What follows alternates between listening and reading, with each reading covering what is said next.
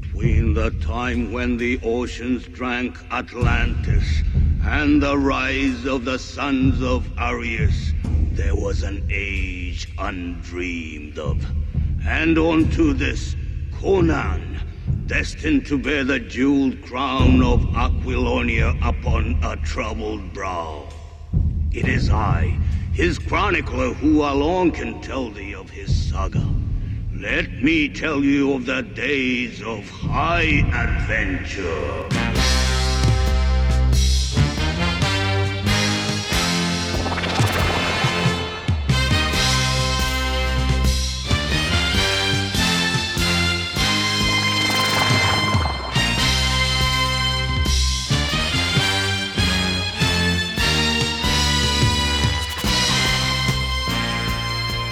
Hej och välkomna till ett nytt avsnitt av Intresseklubben Antecknar, en podcast om film och regissörer och annat skoj. Jag heter som vanligt Per Perstrand och mitt emot mig sitter min gode vän. Jesper Viking. Härligt Jesper, jag hör att det knarrar om det här Ja, köksbordet. det är lite knarrigt. Vi har inte lirat på ett tag. Nej, det är knarrigt i ordets alla bemärkelser. Så det är första gången vi spelar in eh, live så att säga, eller Ja. i samma rum på, sen, Sen pandemin. pandemin tror jag. Ja, det är ganska anmärkningsvärt faktiskt. Hur har det varit senaste månaden? Eh, ja, vad tänker du? Privat eller? Ja. Din, din relation, ditt, ditt äktenskap? eh, Ja, nej men det är väl bra. Jag har ju faktiskt jobbat uh, huvudsakligen. Så att uh, Mm. medan du eh, har suttit och degat på italienska landsbygden Ja, men herregud. så har jag stått här i smogen, slitit. Slitit, mitt anlete svett. pengarna. Jag har bara bränt pengar. Ja, Nej, men det är, semester är väl klassiska så här, uppbrottsperioden när folk börjar gräla med varandra. Är det inte så? ja, men vi har verkligen varit förskonade. Mm. Vi, har, vi har varit väldigt simpatico. Ja, men vi hyrde ju ett hus med några vänner i Giulianova på öst, italienska östkusten och har haft det jävligt bra. Jag har nog iakttagit som film förresten i Frankrike och Italien som bygger på anekdotisk bevisföring. Som vi alla vet är den bästa Mm. Det är formen bästa, av absolut. Nej, men jag var ju i, på på. Cannesfestivalen i maj, vilket var jävligt härligt. Och då gick jag in på Fnac där, för de har ju en Fnac, och kollade lite Blu-ray-utgivningen. Mm. Och fransmännen, eh, baserat på mitt besök på Fnac, är ju jävligt bra på att ge ut sitt filmarv. Mycket skitsnygga liksom, Blu-ray-utgåvor, ofta med böcker så här, Mm. inbundna och så här. Sen för oss som inte pratar franska är det ju tråkigt att det är ju aldrig engelsk text på dem givetvis. Nej. Och allt extra material håller är ju sig för franska. goda för sånt. Ja, de är för goda för sånt. Ja. De är inte besudla sitt språk på den jävla engelska. Nej. Och eh, de, de ger ju också ut eh, amerikanska klassiker. Mm. Ehm, men eh, jag köpte ingenting, jag stod bara och tittade lite. För eh, min tanke var ju så här, gud, åh, nu är jag i Frankrike, jag kan köpa lite klassiker av, eh, ja, någon, vad fan heter han som gjort En dödssömn har rymt? Den låg ju på SVT Play eh, nyss i alla fall. Eh, Diary of Country Priest. Ja, skitsamma. Men i alla fall så, sen kan man jämföra med Italien då, där jag var på ett par ställen. Inget var ju så välsorterat, men de har ju också klassikerutgivning, men inte lika duktiga på formgivning eller på Nej. paketering. nej. Ganska fula DVD, om vi hade talat. Och det här minns jag, jag, jag vet inte om vi har snackat om det i någon podd. Första gången jag var i Italien, det var ju Rom. Ja. Eh, tio år sedan typ. Och då tänkte jag så här, åh jag går in på den här välsorterade butiken, här kommer de ha en stor Argento-avdelning, en stor Bava. Mm. Det var ju så här, de hade ju en vägg med Toto-filmer. Ja, liksom ja, ja. Det är deras arv. Det är som om vi skulle ha Åsa-Nisse ungefär. Eller Frankrike har Tati, vilket de i och för sig har. Men det är lustigt att, och det var ju lite naivt av mig att tro, för att det här tror jag vi har pratat om, att det här är ju en subkultur som, som britterna har plockat upp och amerikanarna, att Ja. återutge italienska klassiker. Nu ska jag dock säga, när det gäller skräck då, ska jag dock säga att eh, jag var på ett ställe i Como, du vet, eh, Comosjön. Ja, Mm. ja. Superhärligt. Vi var där ett dygn. De hade en skitbra, en ganska bra skivaffär där. Då hade de en ganska välsorterad DVD-avdelning. De hade en, en hylla för Terence Hill och Bud Spencer, vilket var kul. ja, fint. Och en liten hylla för Toto faktiskt.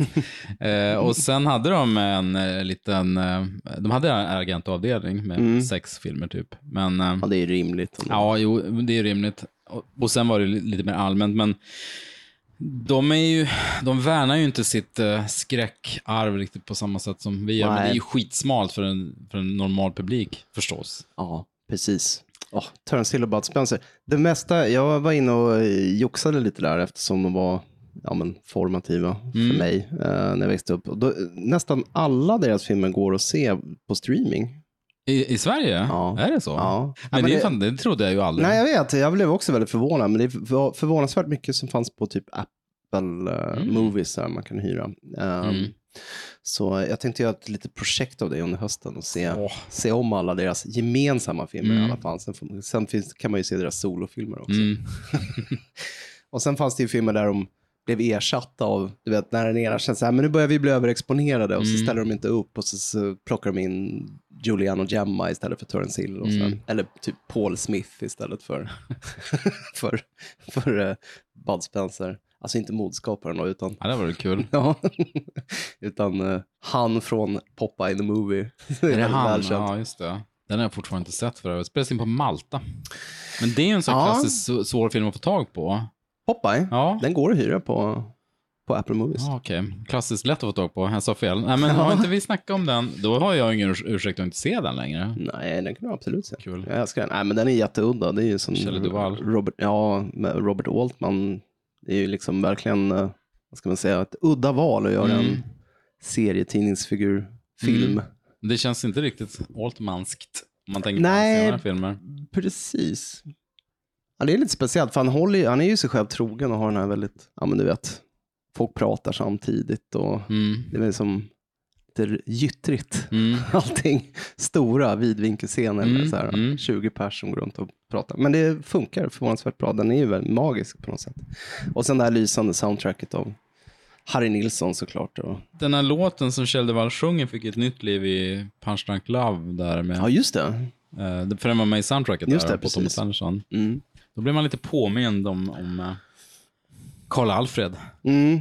Ja, den gick ju. Den var ju inte väl mottagen. Så att det var ju Nej, ett, ett klassiskt fiasko. Men Mm. den har fått mycket cred på senare dagar. Mm. Som många filmer vi pratar om. Precis, av oss i alla fall. Mm.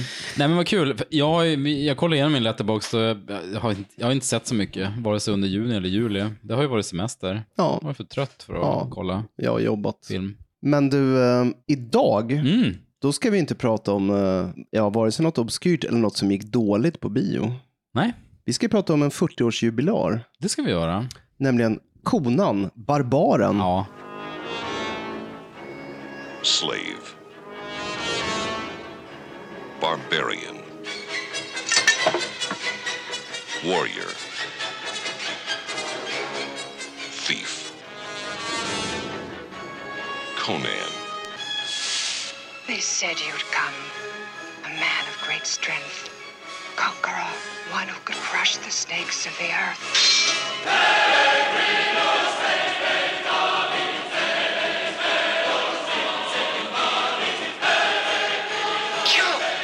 Kimerien Conan och hans far sitter på ett berg där Conan undervisas i läran om Chrome och hur han måste finna svaret på stålets gåta. Talsa Doom och hans kaptener Rexor och Torgrim anfaller Kimerernas by. Konans far dödas och det svärd han dedikerat till Chrome stjäls av Rexor. Talsa halshugger Konans mor och Konan säljs till slav- slaveri åt vanerna. Endast Conan överlever till vuxen ålder som den sista Kimerien och säljs som träd åt rödhår. Conan tvingas bli gladiator och kämpar många strider som han vinner med hjälp av vreden över sin familjs och sitt folks död. Rödhårig ser Conans potential och tar honom öster för att tränas till krigare. Eh, Conan blir en eftertraktad och bildad legoknäkt. När en mongolisk general frågar sina kaptener vad som är bäst i livet svarar Conan att krossa sina fiender, se dem drivna framför sig och höra deras kvinnors klagan. Eh, jättekonstig synopsis. Jag avslutar det från svenska Wikipedia. Rödhår inser att Conan blivit ett monster och släpper honom fri innan han vänder sig mot honom. Conan jagas av vilda hundar i ödemarken och finner en grav efter en atlantisk kung. I graven finner han ett svärd som han gör till sitt. Ja, Ja, var det alltså- halvvägs in kanske. Märklig Det här med synopsis. rödhår, jag menar, den rollfiguren blir aldrig nämnd vid namn. det är Nej, lite intressant. jag De fattar inte tagit sig riktigt. friheten och... Ja, Men det är intressant att den säger eftertraktad och bildad legoknäckt. Det låter ju väldigt trevligt. ja. Bildad vet jag inte riktigt. Nej, Han läste ju några pergament Mm. sådär, när han satt i buren där och väntade på att få knulla. Det var ju en Precis. intressant scen för övrigt där när den här slavinnan blir intryckt i buren. Ja, Och de ska liksom visa att hur konan är en, en sann gentleman. Mm, mm. För att han liksom virar en, filt runt henne Mm. innan han... Men han ska ändå ligga med henne. på. Ja, verkligen. Ja, det hade filmen- inte flugit idag. Nej, då hade det varit så här, nej men vi kan väl bara sitta och prata lite. Men nu är det så här, först snäll och sen, sen ska det ändå bli ligga av. Ja. Är det vår första fantasyfilm? Har vi pratat om någon sån Oj, eh, det kan, vi, kan det vara. Eh, Har vi snackat om Legend, Ridley Scott-rullen? Nej. Det har, Nej. Inte, vi har inte täckt Ridley Scott. Nej, det har vi inte. Flesh and Blood av Verhoeven. Nej, jag har inte det heller vi pratat om om. heller va? Jag brukar inte konsumera så mycket fantasy när det gäller litteratur, men jag har väl sett en del filmer, men jag tror Mm. fan det kan vara en av dem. Wille har vi inte snackat om heller. Nej, Ron Howard har vi inte gjort heller. Trogna lyssnare får gärna skriva in och rätta oss på Som den vi, här är för, vi, punkten. vi håller på för Vi länge. Vi kommer, vi kommer inte ihåg längre vad vi har gjort. Precis. Eh, Nej, så det var lite kul. Nej, men jag håller med. Jag är... nu tänkte jag göra så här. Ja, ursäkta, i avsnitt tre så tänkte jag så här härma någon Ja, ja, som Conan. O'Brien gör. Ja, excuse me Conan. Ja. Men jag vill inte håna Nej, lyssnare. exakt. Fy fan. Otroligt tråkig stil. Ja, nej, Först men- inte orkar göra research på sin egen, så sen hånar den som eventuellt ja, inte gör det. Ja, Dels förmätet att tro att någon gör det. Skitsamma. Det är risigt. Ja, Ja. nej men... ehm, Nej men vad, vad bättre än att få in tre tunga gubbar här, både, både Arnold då givetvis och även John Milius och Oliver Stone, två. Tre Ja, alfahannar kan man säga. Ja, verkligen. Det kan man lugnt säga. Alltså om man ska prata om fantasy, för jag är li- lite som, eh, jag har inte heller aldrig, aldrig varit särskilt såld på fantasy. Jag har aldrig läst. Tolkien och jag såg ju Sagan om ringen-filmerna, men det var ju mer för att det var episka filmer, inte så Ja. mycket för att jag älskade grundmaterialet. Jag har alltid varit science fiction-fantast. Men Conan Barbaren, dels för, jag hade ju inte läst böckerna av Robert E. Howard då. då. Eh, men det har jag gjort i, i vuxen ålder. Har du läst honom? Då? Har Nej eh, jag har ju jobbat ju på, bi- på bibblan Mm. eh, många år. Vi hade en fet, flera feta samlingsvolymer med Robert E. Howard. Ja. Han var ju otroligt produktiv. Ja, gud Skrev ja. jättemycket. Ja, enormt. grejer. Jag har faktiskt inte läst något av det. Nej, jag kom in i honom via ehm, Lovecraft då, då när jag Mm. läste Lovecraft, för de var ju brevkompisar och, och han var ju jävligt metal. Mm. Alltså, nästan alla hans, framförallt Conan-historierna är ju så extremt, det är så, det är så episkt Mm. allting. så här, mycket, och så här, svärden och, jag läste ju mer hans andra figur, den här Solomon Kane, som de faktiskt gjorde en Just film det. med, med han eh, James Purefoy, Mm. libertinen. Som var gammal Bond-kandidat, men han ser, sig- han ser lite för depraverad ut. Men de, jag kan ju fatta att de var polare, för de hade, de hade någonting gemensamt i sina historier. Var de gärna beskrev så här uråldrig ondska och bortglömda civilisationer. Och Mm. Men jag läste ju Konan, den, den gavs ju ut i Sverige som serietidning. Just det. Om det var Semik eller något sådär. Mm. De här, den här klassiska John Buscema tror jag han hette, som gjorde skitmånga avsnitt. Hundratals. Mm. Plus att min farsa var Frank Frazetta, aficionado och hade så här Frazetta-tryck hemma. Han, han var ju också så här konan besatt. Men nu kommer en anekdot. När vi skulle ta färjan till Storbritannien en gång, för det kunde man göra en gång i tiden. Från Göteborg? Från Göteborg Ja. till Felix då. Det var ju en ganska lång eh, färd, inte jättelång, men du vet så här, man sov ju där en natt på båten i alla fall. Men Mm. då hade de ju en biograf på färjan och då, då det här var 1982. Då visade de eh, Blade Runner och Conan Barbaren på färjebiografen.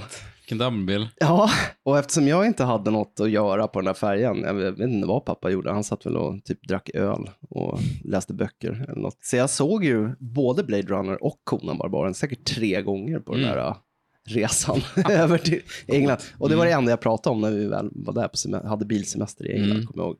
Att jag var jävligt tjatig om de här filmerna. Den gjorde ett enormt intryck på mig. Så det var kul. Mm. Sen med det sagt har jag inte sett om den så här jättemånga gånger sen dess. Den har bara levt kärt i minnet, så att säga. Ja, men jag har en mycket torftigare anekdot. Och det är Mm. att jag såg... Eh, vi var och hälsade på min moster som i Skåne och eh, vi var och badade i Barsebäck. Alltså, Ja, ja. ganska nära kärnkraftverket så fanns det en badrum man kunde bada. Och skämtet var ju så här, men man kommer att lysa grönt när man Ja, ja exakt. där. De treögda fiskarna som i Som Simpsons. Simpsons, ja, ja. Och sen så, typ på kvällen så var det filmkrönikan. Och alla i vår ålder vet ju hur jävla formativt det var. Mm. Klassikern är att han körde hela slutet i Terminator och så vidare. Men, Torsten. Torsten ja. Ljungstedt, vår the man. Men då, då minns jag att de visade en scen, och det är ju den här, en av de absolut bästa scenerna i filmen, när, med den här stora ormen i, Ja, just som de Mm. nedkämpar. Så jag minns att det var ju så här starkt minne. Och sen såg jag ju filmen lite senare, när jag kanske var 12 eller 15 eller någonting Ja. På VHS. Jag har Mm. inga starka minnen av den. Det jag, det jag minns tydligast var ju så att otroligt bra workout-teknik. Man går runt ett kvarnhjul tillräckligt många år så blir man extremt blir man muskulös. jättebiffig. Precis. Ja, Det är inte så att man blir, man blir mer och mer utmattad tills man dör, överutmattning, utan bara så här, någon står och piskar en till slut bara blir, blir man, man skitbiffig. en, en. Så liksom, den Ja. slavdrivarmetoden är underskattad tror jag när det gäller att bygga kroppshydda. i alla fall. Ja, Så det uppenbarligen. var första gången jag såg den på skitlänge och det var väldigt kul eh, att se om den. Det var mycket bättre än jag minns den. Mm. Ja, nej men absolut. Nej, jag tycker den har uh, åldrats väl. Jag Mm. satt också och tänkte på, men hela den här, uh, den var ju inte först i, uh, i fantasy-genren filmmässigt sett givetvis. Jag menar, det har ju funnits såna här, jag menar, åtminstone historisk mytologiska filmer sen, ja men sen stumfilmseran Mm. givetvis. Så, jag menar, och svärd och sandaler-genren eh, som var väldigt populär i eh, Italien, inte minst slutet av 50-talet Mm. till mitten av 60-talet. De gjorde ju en uppsjö av såna här, eh, Mm. men de var ju oftast lite mer så här historiskt förankrade kring, ja men in, inte enbart liksom, litterära figurer, utan det var ju som Herkules och ja, men Samson och Goliat. Och Du menar att Conan är inte verklighetsbaserad? Nej, det, det det är uppdiktat. Dokumentär. Ja, tyvärr. Nej, men ofta är det ju, för det är först när det görs en Hollywood-film som slår som genren. Jo men precis, och det, och, med, och det var ju, helt, det var ju en, en, vad ska man säga, en adrenalinspruta in i, eh, i genren kan Mm. ju säga. För att sen i kölvattnet av Conan så kom det ju så jävla mycket såna Mm. här eh, filmer med trollkarlar och muskelknuttar. Både i USA och, och i, i Europa. Lilla eh, avstickaren är ju Beastmaster för den gjordes samtidigt som Conan faktiskt. Vilket är intressant. Alltså Don Coscarelli-filmen. Mark Singer Ja, från V. ja precis. Ja, precis. Rip Torn var skurken där. Ersatte Torn. Klaus Kinski om jag inte minns fel. Ah, ja, bra ersättning. Inte. Ja, Torn faktiskt. grym.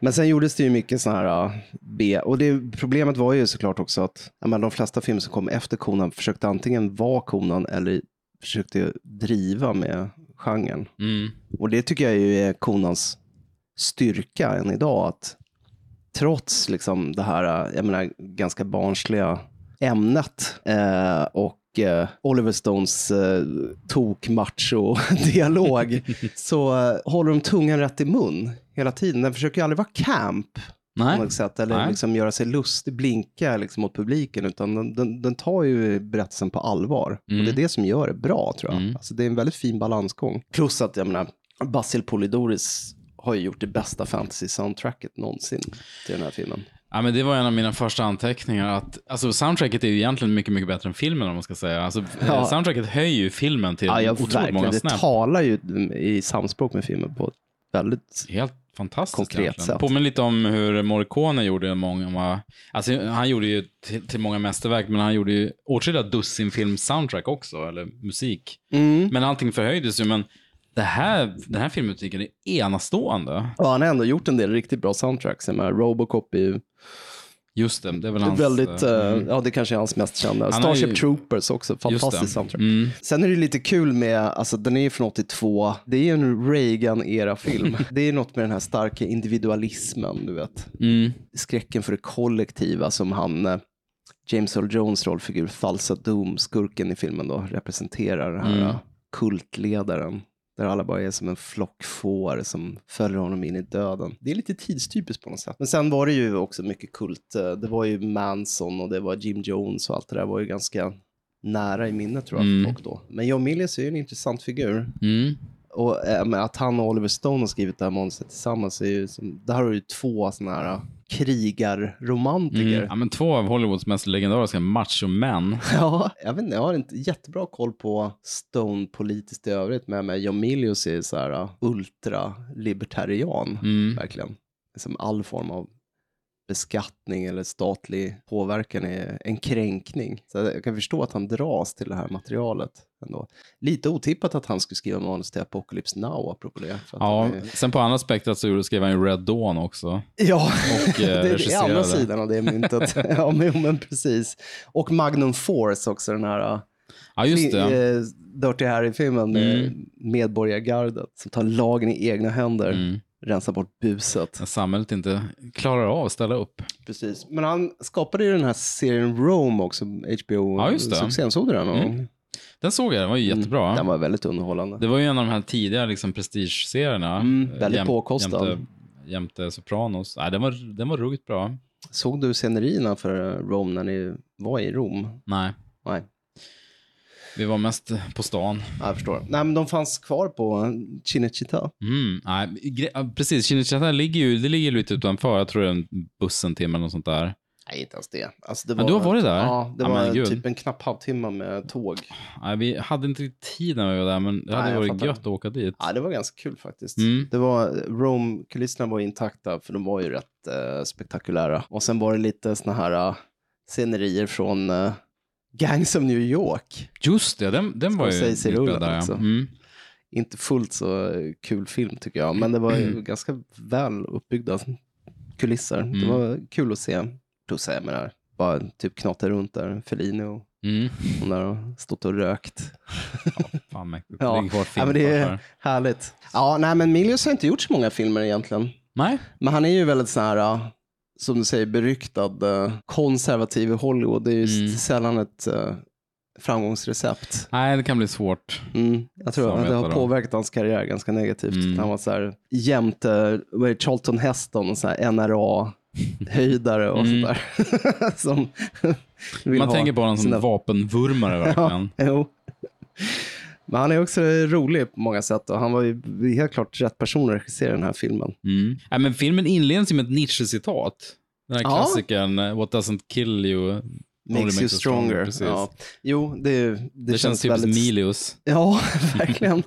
Men det här introt är ju, alltså förtexterna är ju otroligt mäktiga faktiskt. Den, Mm. den verkligen stöper hela filmen i mytos på något sätt. Med Mm. de här otroligt läckra bilderna av hur någon smider ett svärd. Mm. Och hur svärdet är centralt i konans liv också. Väldigt snyggt och effektivt.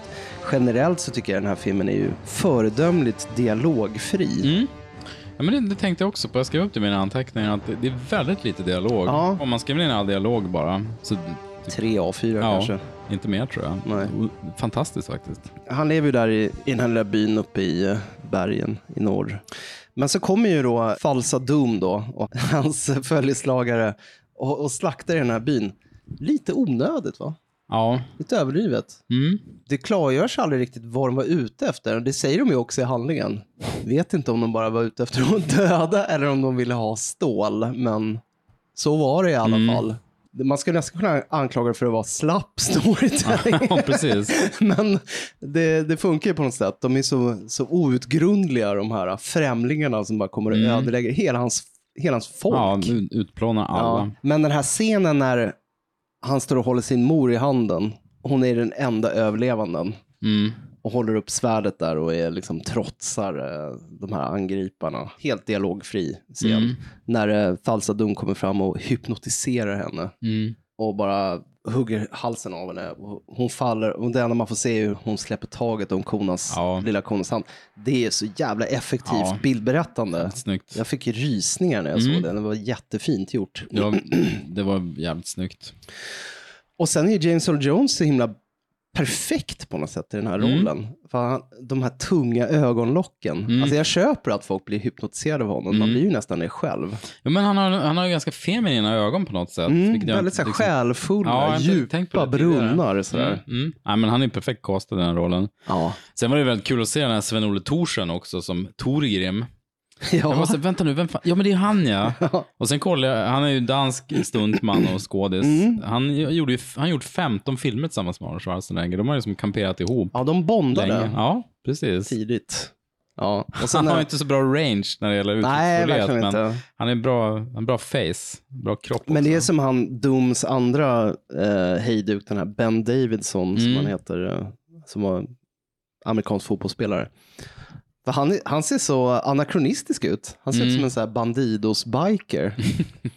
de har ju till och med gett honom en sån här typ läderkavaj Mm. och boots. Ja, det Alltså, det ser lite knäppt ut. apart. Mm. Samtidigt är det ju vettig casting eftersom eftersom Arnold är en sån kotlett så måste ju de också, eftersom de deltar i någon sorts episk slutstrid då, Mm. matcha honom på något sätt. Samtidigt så är ju Sandal Bergman som spelar Valeria, den här kvinnliga tjuven och krigaren som konan blir kär i. Mm. Man köper ju på något sätt att hon är konans jämlike och skulle typ matcha honom i en strid. Trots att hon är avsevärt slankare och eh, ja, men lättare i figuren. Så jag vet inte, det blir någon konstig clash där. Jag gillar ju egentligen de här två eh, hejdukarna, men jag kan säga att de är inte helt övertygande i rollen som överstepräster. Nej. Ben Davison har ju nästan modern hipsterfrilla med lugg så långt på sidorna. Ja. Nästan, nästan lirat i Stockholm idag. Jo, jo, men verkligen. Samma amatörbryggare. Eller han ser ut, lite, ser ut som Lemmy i Motörhead också förstås. Ja, men faktiskt. En, en broiler-Lemmy. Mm. ungefär. Eh, men sen blir ju lille konan för då till eh, norröver av eh, vaniren där. Och hamnar vid det här kvarnhjulet Ja, då kommer kvarnhjulet som äntligen. vi pratade om. Mm. Det känns också som en väldigt så här, bra metafor för eh, det moderna arbetslivet. Jag Ja, tänkte verkligen. mycket på det. Vad åren går, Ja, man man går där runt, runt, runt. Och så här bistra, bistra blicken, uppsynen han har också. Det är väldigt speciellt med håret. De har så långt hår alla män i den här filmen. Det är också Mm. det här lite så här fnöskiga. Så här hade de inte gjort idag. Det gjorde de väl inte heller i, i eh, remaken som kom för några år sedan. Nej, jag tror inte Då, det. då var det mycket mer balsamerat hår. Mm, Nu är det det där mm. fnöskiga, Mm. lite torra håret. När de liksom mjälligt, Mm. mjälligt långt hår. Jag, jag uppskattar den lilla detaljen. Ja, han blir ju såld då till den här rödhår enligt Wikipedia. Då. Han är rödhårig till Wikipedias försvar. Används som någon sorts gladiator. Ja, precis. Och han är ju väldigt duktig i, i rinken så att säga, eller i Ja, gladiatorarenan. han har eh, hämndens glöd, driver Mm, honom framåt Precis. såklart. Och han upptäcker sitt eget värde Mm. och eh, lever på publikens eh, uppskattning. Men det är någonstans här, alltså Arnolds första replik kommer också. Ja, just det. Jag skrev upp att det var ju 24 minuter in så kommer det här Conan, what is best in life?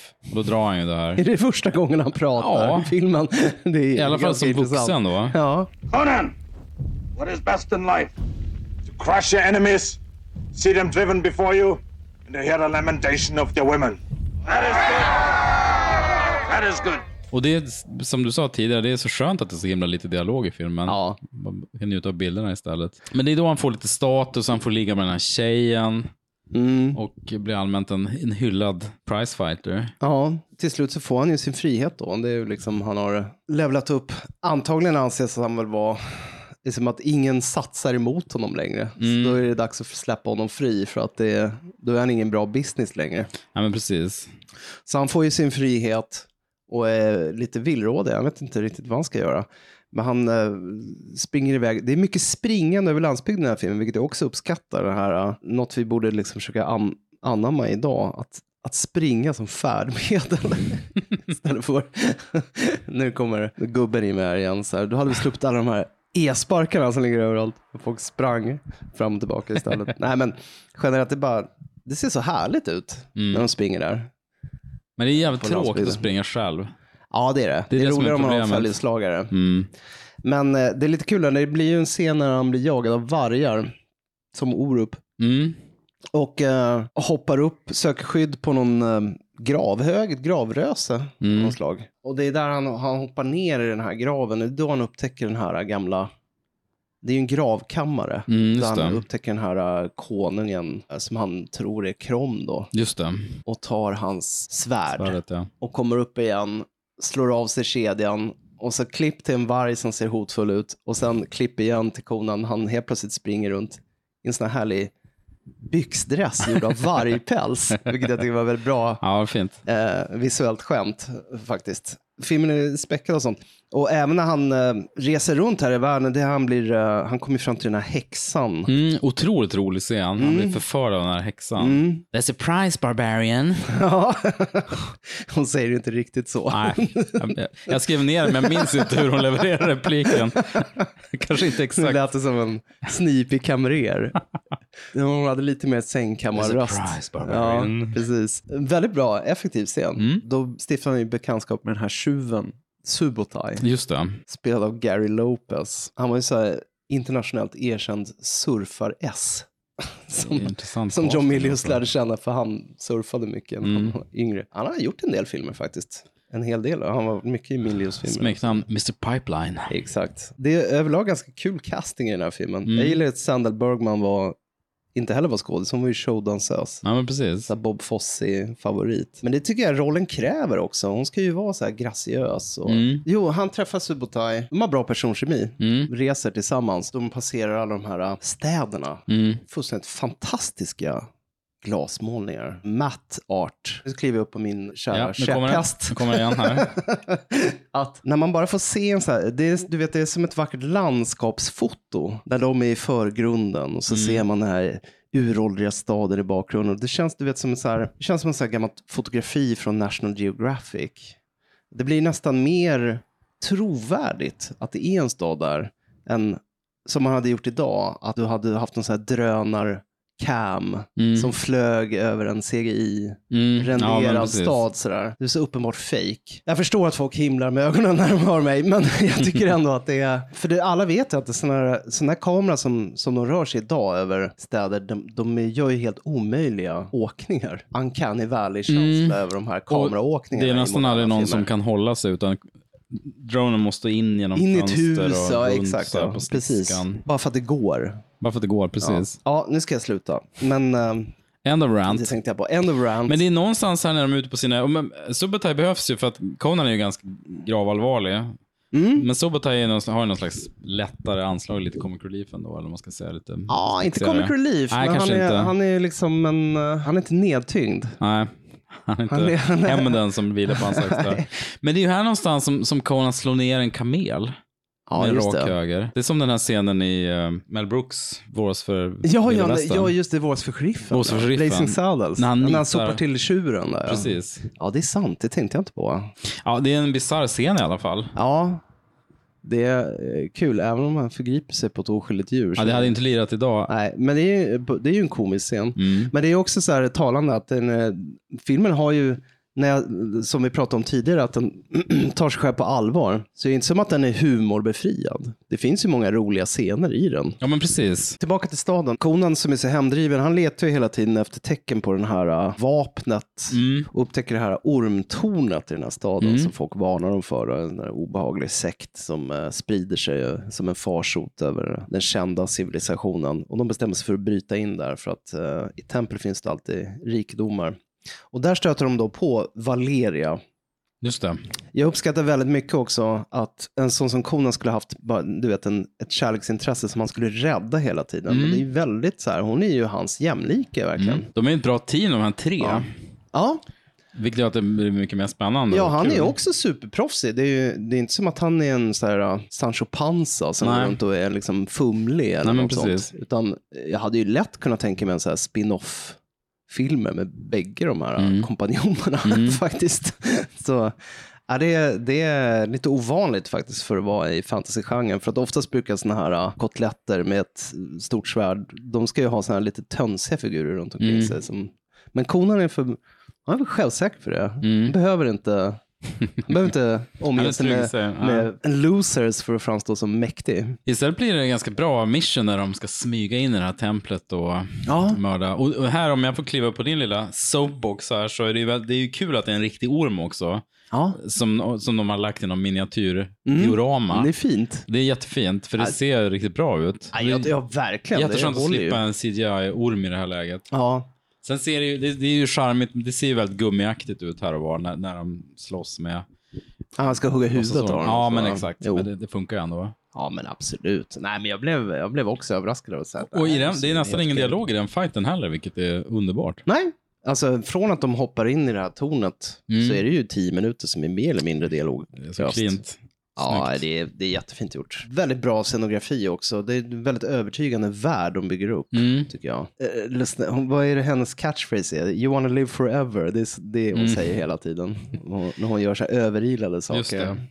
Ja, det, det har ju blivit en actionfilmsklyscha verkligen. Mm. Ja, precis. Den kommer ju i Starship Troopers också. Come on you apes, you wanna live Ja, forever. det. Det säger han ju där också. Men det är väl strax efter det här som eh, kung Osric dyker upp, dyker upp också. Max. Max von Sydow. Max kommer in och styr upp. Ja, men verkligen. Det är ju short but sweet. Mm. Alltså, han är ju bara med i en fem, sju minuter. Han har, en, han har bara den scenen. Han har en monolog. Ja, är Som bra. är grym, givetvis. Och Men sen- alltså, han hade ju några fina år här. Alltså, Blixtgården gjorde han ju 80. Mm. Ming the Merciless. Ja, han är det- en av hans bästa roller. Ja, den är ju, den är ju grym. Och sen gjorde han den här andra världskriget-filmen Escape to Victory, som jag inte har sett. John Hustons film med Nej, Sly och Michael Caine. Nej, det inte jag heller sett. Eh, Gud, om- det låter ju fantastiskt. det Ja, måste vi säga. fång, fångläger-action. Eh, med fo en fotbollsmatch. Och Ja. sen Conan då, den var 81 och så gjorde han Conan 82. Eh, 83 var han ju Blowfell då. I Ja, Never, say never again. Ja. Och sen 84 gjorde han Dreamscape och Dune. ja, just det. Och sen 86 kom han och hennes syster då. Så de, de åren där, jävligt många feta Hollywood-roller. Det var kul att han gjorde så mycket fantasy också. Ändå. Dreamscape.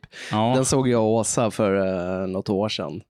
den har jag inte sett faktiskt. Ah, det är Dennis Quaid. Just det, och Kate Capshaw, Ja. Christopher Plummer. Kul koncept, men den, är, Mm. den kanske inte har tålt tidens tand så himla väl. Nej, alla filmer har inte det. Nej. Men Max var ju, han var ju förnöjsam med att spela skurk i de här Jag tror han tyckte det var kul. Ja, absolut. Han njuter ju, uh, av sina repliker i den här filmen. Absolut. Doom. I've chafed for years at this demigod. Snakes in my beautiful city. To the west, Nemedia Aquilonia. To the south, Koth Stygia. Snakes!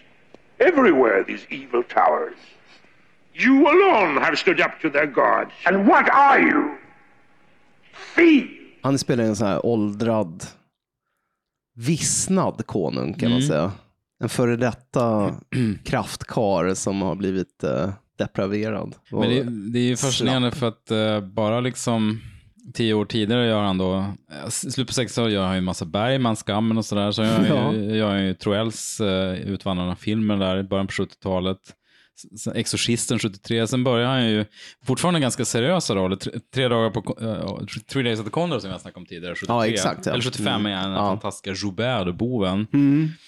Men sen är han ju inte, uh, spelar Marion då, Exorcisten 2. Sen börjar det bli mer så här genrefilmsroller. Men det är inte som att man känner att han slummar på något sätt. Nej, han tar ju rollen inte. på stort allvar Ja. och gör det jävligt bra.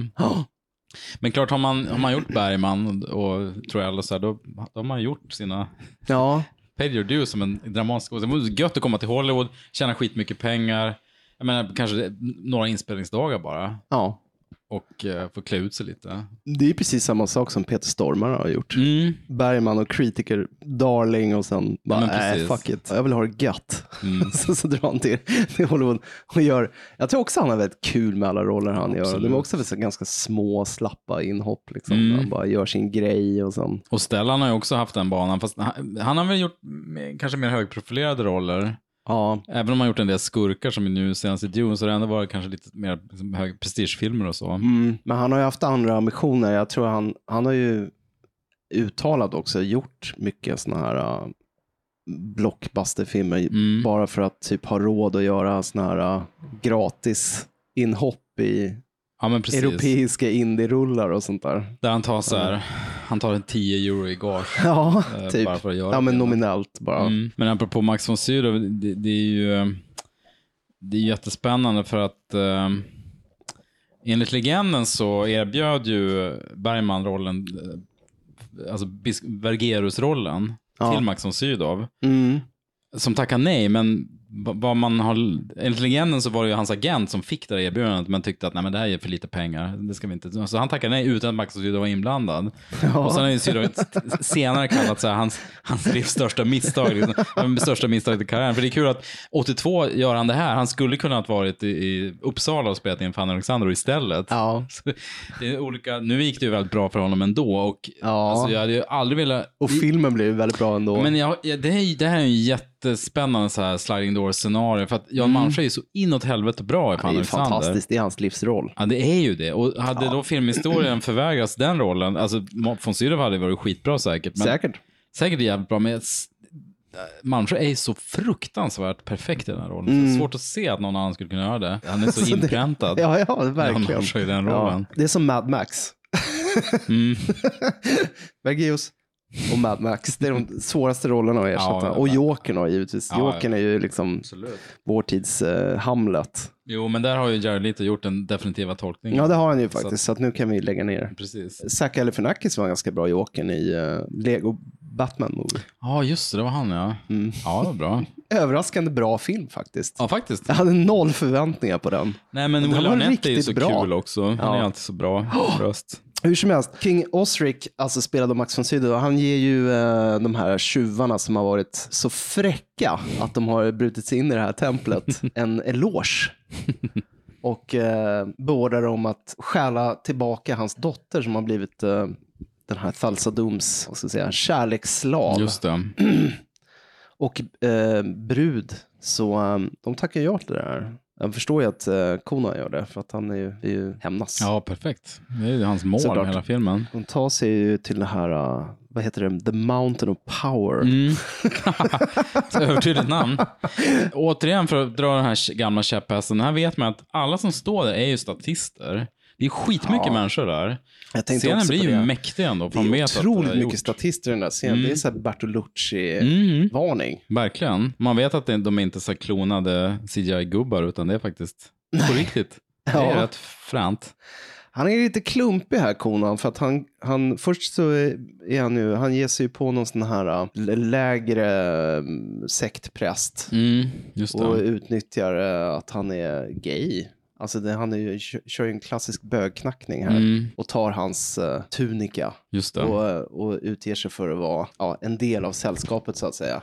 Men sen går han och, liksom och, och visar upp det här uh, otroligt lyxiga medaljongen som han stal in i templet några dagar tidigare Mm. för var och varannan. Eh, Inte jättesmart. för att liksom ge sig själv någon sorts kredibilitet. Nej, det är inte så himla smart. Han blir ju såklart outad direkt och tillfångatagen. Och sen så får han ju då till slut audiens med Falsa Dom där James Earl Jones får hålla sin grymma monolog. Det är fint. Så här, först har du den här tunga Max von Sydow-monologen och sen så fem minuter senare så kommer James Earl Jones när han eh, lägger hans- ut texten. Ja, precis, det här är liksom hans eh, stora scen. Han, han kä- käkar ju sceneriet som man brukar säga. Gud vad han spelar över den här scenen. Crucify him! The power of flesh. Ja, han är grym. Ja, alltså han äger ju. Det får man unna honom. Ja, ja, verkligen. Ja, jag köper det. Jag, Mm. jag slukar allt med hull och hår. Jag tycker det är kul med såna här när de lägger upp för eh, tunga monologscener. Det var ju så mycket snack om det i, kommer du ihåg när True Romance kom?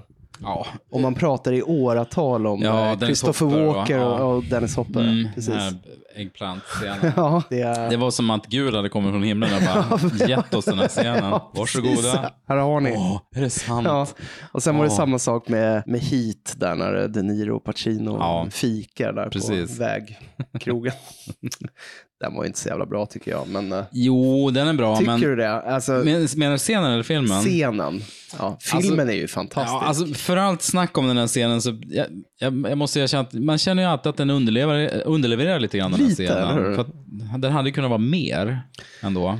Jag tror det bottnar i att jag, jag upplever inte att Pacino och De Niro har så här jättebra kemi. Rollfigurerna ska ju också vara, alltså De Niros rollfigur är ju väldigt avvaktande och liksom Mm, är han. cool, medans Pacino är mer nervig. Nu, ja, precis. Ja.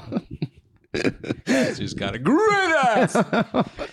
Eh, nu håller han ju igen i den scenen, tack och lov. ja, det gör han. Men, nej, men jag förstår vad du menar. Och sen åt andra hållet finns det ju folk som påstår att de var aldrig i samma rum. För det är ju det är en helbild tror jag, eller någonstans är det en helbild. Ja, just Annars är det det. bara närbild, klipp fram Kul att det är konspirationsteorier Ja, verkligen. kring hur en sån scen spelas in.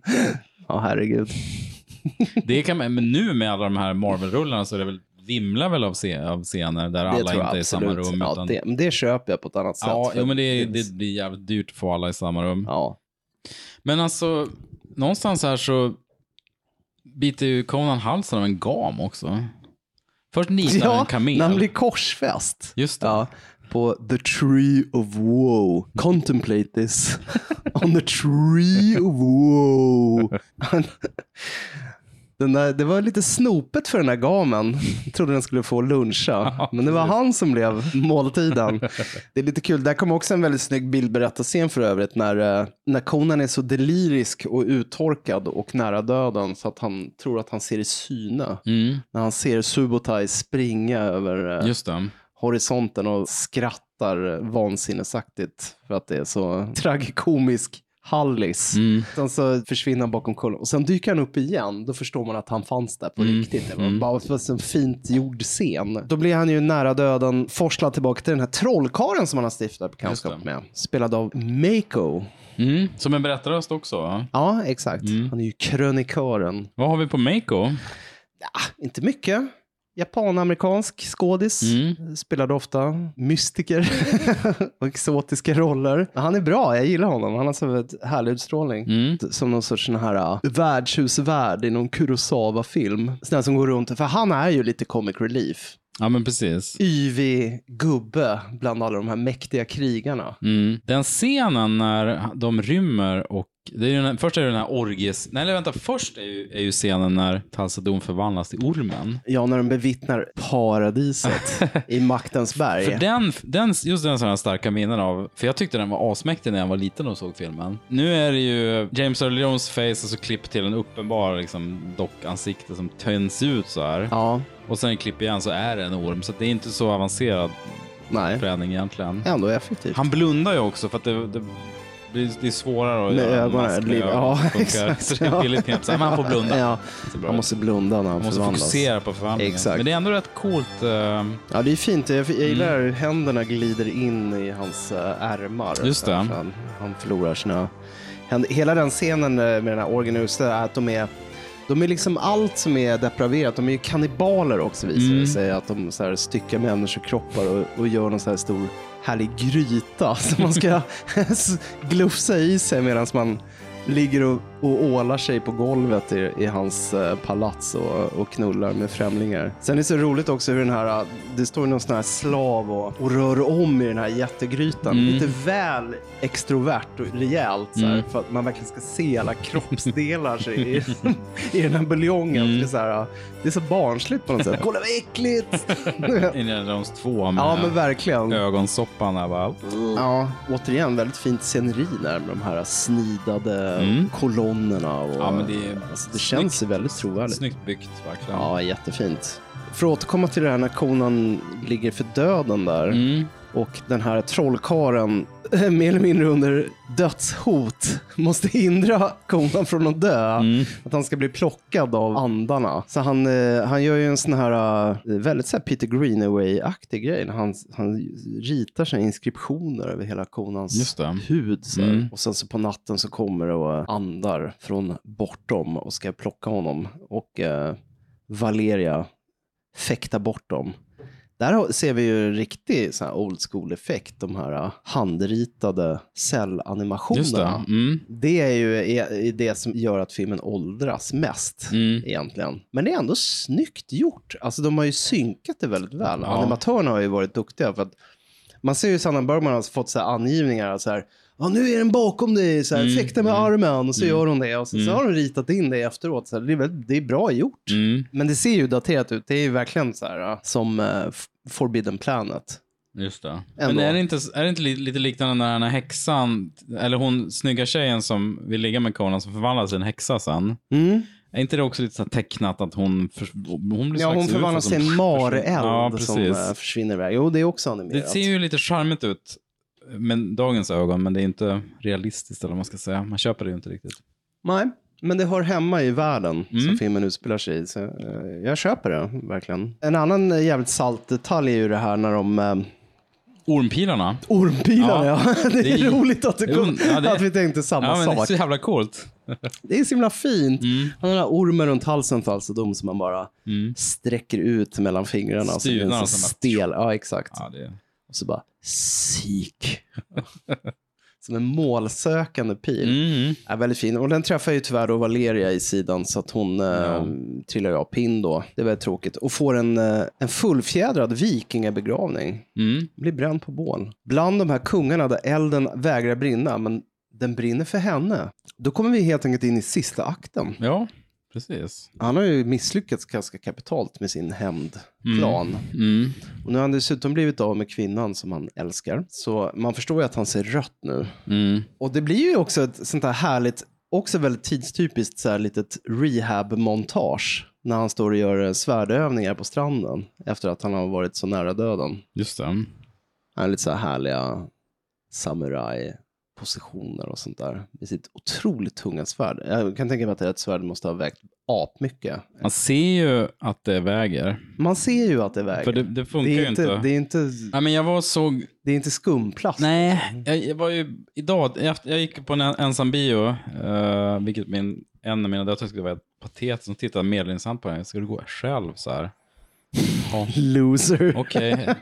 Hon ville, för hon ville inte följa med, men hon ville ju egentligen inte att jag skulle gå själv för att det är det yttersta tecknet på att man inte har några kompisar överhuvudtaget. Men jag tycker det är gött att gå på ensam bio. Ja, jag, själv. jag, jag vet. Jag tycker det är underbart. Jag såg den på Saga på Kungsgatan i Stockholm med 600 platser. Det kanske var 14 pers i salongen. Jag kunde sätta mig var jag ville. Ja. Den var ju inte så jättebra, men då är det ju både Mjölnir och den här, eh, fan den heter, Vargbane. Nej, jag kommer inte ens ihåg fast det var några timmar sedan. Han har ju ett svärd och en hammare. ja, just det. Och det är ju, det är kanske en grej. Det är så uppenbart att de väger ungefär ett kilo vardera. uh, det finns ingen tyngd i dem. Nej, Det var bättre för. du kan vifta dem så här med Ja, men lite så. flugsmällar. Och det är klart ja. det kan finnas en poäng för att Tor ska ju vara stark då. Jo. Men är, man ser att den är gjord av plast. Liksom. Det känns B. Jo, men man ser det i armens muskelspel också. Ja, men exakt. När, när konan svingar sitt svärd, då ser man ju att det, Mm. det kräver ju lite kraft. Ja, borde det inte kräver vara lättare kraft. för skådisarna att agera om den vägde fem kilo eller någonting i alla fall. Så att det finns Ja, lite... faktiskt. För man kan ju ändå göra den ganska mjuk så att den inte gör något om någon får den i huvudet sådär. Ja, nej, det krävs mer skådespeleri idag helt enkelt. Och Arnold var ju såklart inte en, han är ingen Strasbourg metodskådis. Han har det, inte var, det här var ju hans stora genombrott. Men det, det, är det intressanta Han var är, jag tycker han gör en riktigt bra rollprestation här. Absolut. Eh, Han och hade ju bara gjort småroller innan den här Pumping Ja. Iron-dokumentären och sådär. Jag vet inte om han någonsin har gjort bättre ifrån sig som skådis. Alltså Milius måste verkligen ha regisserat honom för att få ut så mycket som möjligt av honom i varje scen. Och sen tror jag också att typ hans medspelare måste ha lyft honom också. Att, Mm. eh, hjälpt honom att komma upp i. Jag tycker han är riktigt övertygande Mm, ja, i den här rollen. Nej men Conan inser ju att eh, han kommer bli utsatt för någon sorts hämndaktion här då. Eftersom de har snott den här eh, prinsessan, alltså Talsadums tilltänkta Mm. brud. Så då gör han ju en sån här eh, klassisk John Rambo-grej som han även gjorde i Predator faktiskt. När han börjar rigga såna här fällor och grejer. Just det. Så Stora, han vet. spjut. Det här har jag helt glömt bort. Så blev så vänta nu, är det här senaste Rambo-filmen eller vad är det som Ja. pågår? Ja. Eh, som han riggar och, Mm. Och väntar in då Sven-Olle och, och Det gäller att Davidson. Sven-Olle går på, ställer sig på exakt det stället. Ja. Där, där, men det funkar ju. Det funkar. Men han hade ju strategiskt ställt dit en liten hjälm Just det. så att han skulle tro att han var han. gömde sig bakom en sten. Det är jätteroligt. och bara bilden av att konan skulle här sitta och kura bakom en sten är ju väldigt lustig. Det är en ganska blodig slutstrid Mm. mellan honom och, och de här två biffarna. Mm. Ja, det är riktigt runt. blodigt. Det är ju roligt också att den ena har en jätteyxa och den andra har en jätteklubba. Mm. De är ju verkligen som plockade från ett så Iron Maiden-omslag båda två. Den här var ju rated R, som de säger i USA. Och då var de ändå ganska snälla i början av 80-talet. Så Mm. att, eh, det, här, det här var ju magstarkt Mm. eh, då. Och jag tycker fortfarande, jag kan förstå att de reagerade. Alltså, det är blodigt. Och då får han ju lite divine intervention också, för konan ligger ju risigt till där ett tag när han slåss mot den här biker Mm. Rexor, som är faktiskt på väg att bila honom. Men, eh, men då eh, blir eh, skurken bländad av Valeria som kommer ner från himlen som någon sorts valkyria Mm. och skyddar sin stora kärlek. Det är fint. Hon lever vidare, fast på ett annat existentiellt plan. Jag minns när jag var liten att jag tyckte så här, gud vad skönt, för jag var oerhört deppig över att hon dog. Ett starkt minne. Nej, men det, är ju, det är ju trösten i de här filmerna som handlar om gudar och sådär. Att, eller att det ofta finns en annan dimension där de, som Valhalla till exempel, Mm. som faktiskt förekommer i den Love uh, Tore-filmen jag precis såg. Ingen dör någonsin utan byter bara skepnad. Star Wars också förstås. ja, precis. Går man runt som en slags gyllene gestalt med skimmer omkring sig. ja. ja, men exakt som i Gäddens återkomst när de eh, dyker upp där på Endor. Mm. När de har efterfest. Precis. ja. Och så kan man ju bytas ut då om George Lucas gör nya filmer och det måste stämma. Liksom. Mm. tar man bort det. Ja, Man tog väl bort han Sebastian Shaw och la, la till Hayden Christensen tror jag. För att det skulle lira med kronologin. Det är ganska ja, taskigt. Ja, det är alltså. lite taskigt faktiskt. Men jag kommer ihåg, nu när jag såg om den uh, inför det här uh, samtalet, så då såg jag den tillsammans med Åsa, då, min Mm. hustru. Hon, när det var de här kärleksscenerna mellan konan och Valeria, då, då blev hon ju full i fniss. Och tänkte så här, gud vad det här är 80-tal. Mm. För det är ju väldigt 80-tal skildrat. Mm, Det är, mm. De ligger och pussar varann i vackert motljus mot en levande eld på Ja, någon visst. skinnfäll. Ja, Alltså, det är så, jävla, fällan, det är så porrigt. Och så, så här lite softad lins. Och, Mm. Så det börjar ju väldigt lökigt. Men, men sen har de ju en ganska lång, så här fin, ett fint samtal bara om vad det innebär att inte vara ensam och Mm. att kunna lita på någon. För mycket av filmen bottnar ju också lite i det här att du kan inte lita på någon Nej, förutom dig själv. Och väldigt sen, trist, sen, nihilistisk inställning till världen och livet. Men, men de finner ju varandra där. Så att hon ändrades ju mitt i och tänkte så här. För, för jag sa att nej, men jag såg den här när jag var tio. Jag var ju jag tyckte ju den här kärleksscenen var jättefin. Mm. Och som tioårig kille var man ju inte så här superintresserad av kärleksscener i ärlighetens namn. Nej. Jag tyckte de har skött det snyggt, liksom, Mm. hela romansaspekten. Så det, det kändes väldigt starkt när hon kom tillbaka och skyddade honom där i, Mm. i sista akten. Ja, och sen får ju den här Rexor sitt, såklart. Egentligen. Och eh, Falsadom, han, han drar ju iväg. Han är ju ändå någon sorts demigud, men han schappar ju. Mm. Han är lite feg där. Men inte utan att först försöka ha ihjäl den här prinsessan som, som han, han skulle gifta sig med igår. Men som nu är expendable. Mm. Så han drar iväg en enorm pil. Men Subotai räddar ju henne då. givetvis. Så att, eh, det var nesligt för honom. Men det gör ju såklart henne väldigt hemlysten. Så att hon hjälper ju konan att infiltrera det här eh, maktens berg Mm. igen. Det är också en väldigt fin scen som jag faktiskt inte minns från när jag såg den på bio. Så jag undrar om det är ett tillägg. Alltså jag tror att det finns olika versioner av den här Ja, det filmen. gör ju det. Och Det jag tycker jag var en av de bästa scenerna i filmen. Jo men verkligen, när hon, Spännande, liksom, eh, hon, eh, hon är hans alibi in i det här templet igen. Hon går runt där med sina ormar och han Mm. bara fäller vakter bakom henne. Och Men det är väl så här- då Conan har den här smink, alltså svart sminken över Ja, han ögonen kör ju också. kamouflage. Det ser coolt ut. Ja, det är jättefint. Det, Eh, alltså grejen med att ha så, det är väl att då ska man ha en typ en balaklava, en svart huva över. Exakt. Men han bara kör svart över ögonen. det. Då kan ingen känna igen Nej, mig. ingen kommer se mig.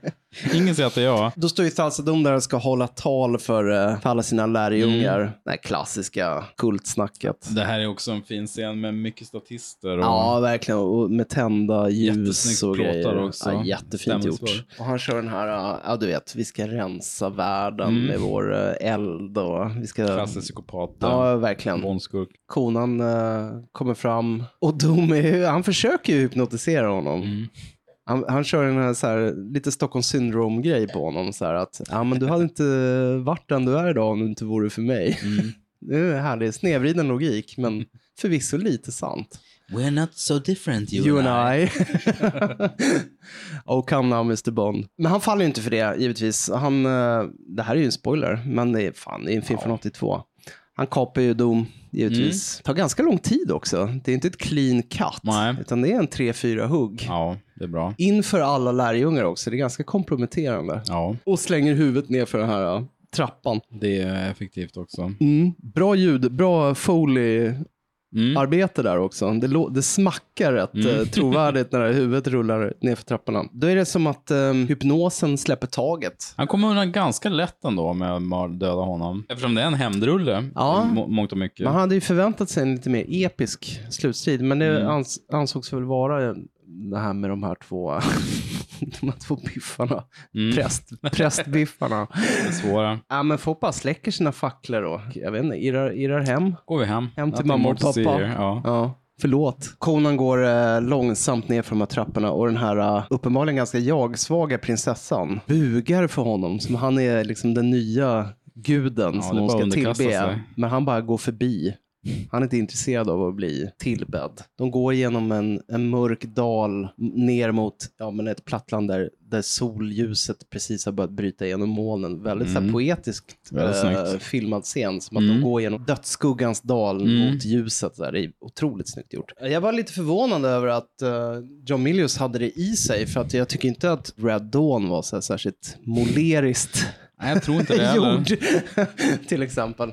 Jag har inte sett så många av hans, han har gjort en del surfarfilmer också. Mm. De kanske är mera visuellt intressanta. Men, Nej, men jag jag har lite dålig koll på Milos faktiskt. ja, men han har väl bara gjort typ 6-7 filmer. Ja, han har ganska kort, det var vi inne på tidigare, han har ganska kort CV. Det är klart, man, man får inte så långvarig karriär när man typ hotar uh, filmbolagsdirektörer med pistol och sånt där under möten. Då går det sådär. Oliver Stone klarade sig. Han, han lyckades eh, läsa av rummet lite bättre. Han har ju sagt så här.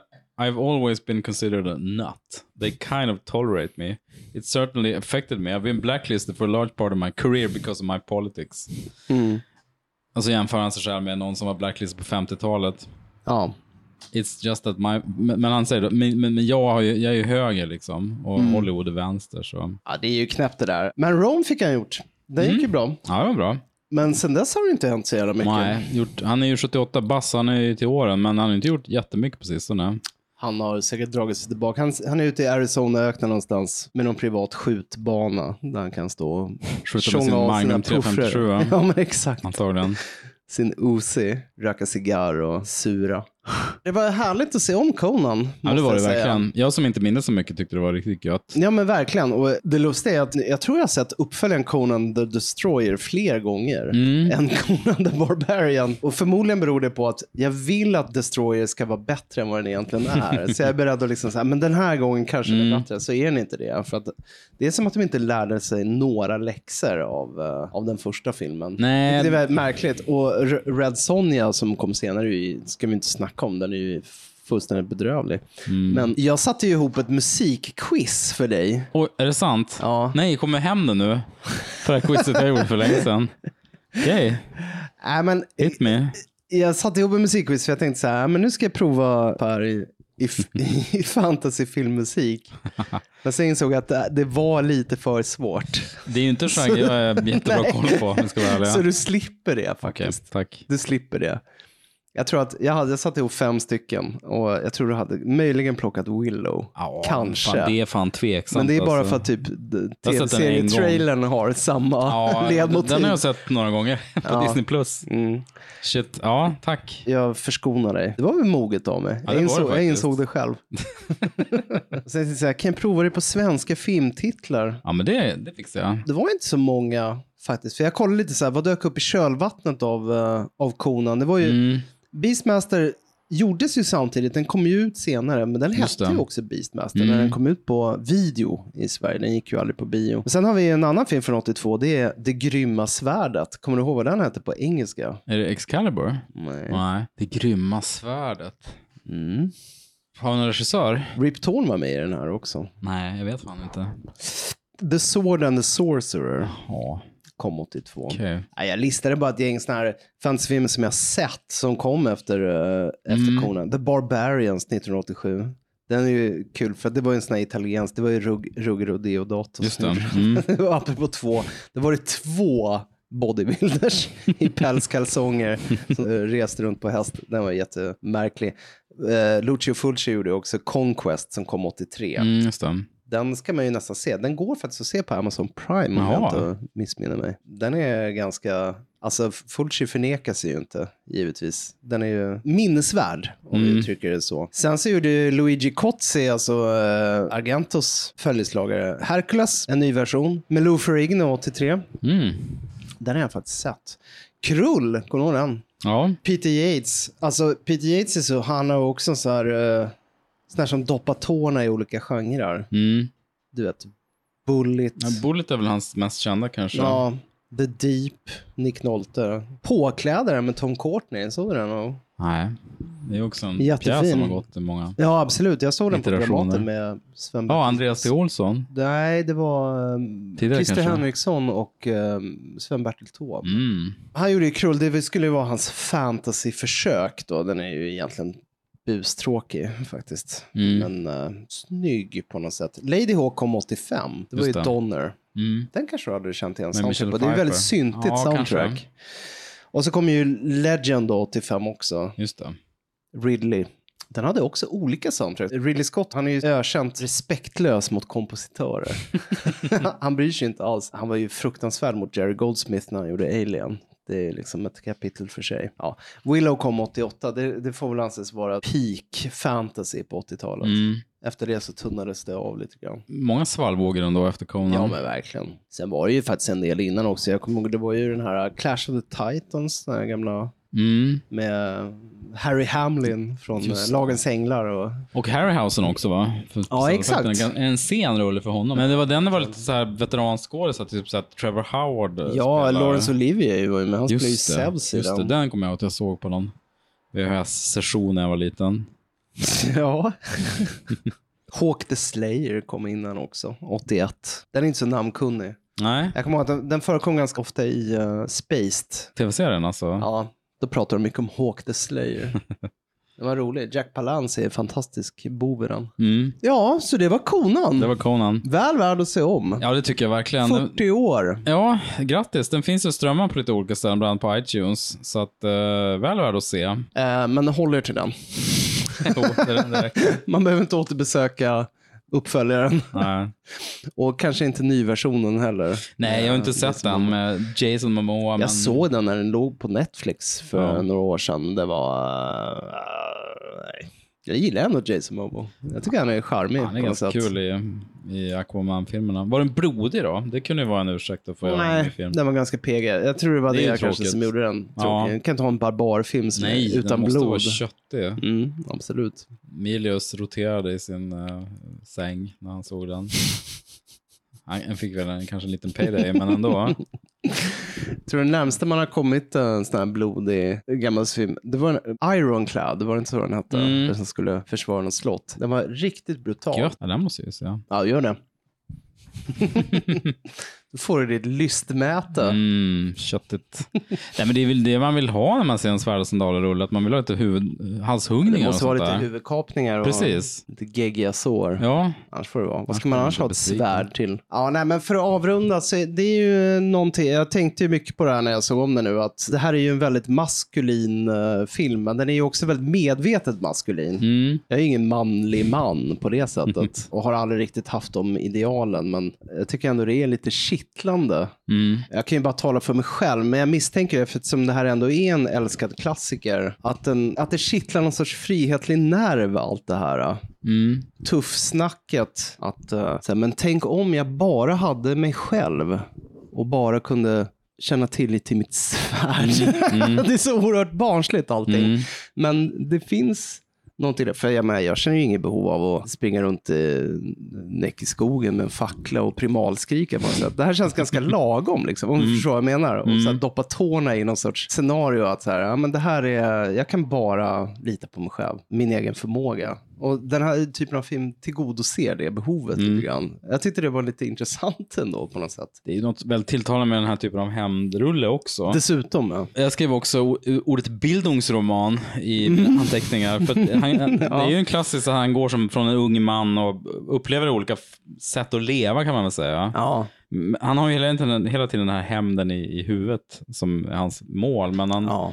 han får också, han, det är ju klassiskt att han möter olika sätt och hanterar livet och så vidare. Ja. Så att, eh, ja, oväntat eh, mångfacetterad film ändå tycker jag. Ja, men faktiskt. Den har sin plats i filmhistorien. Ja, detta om detta.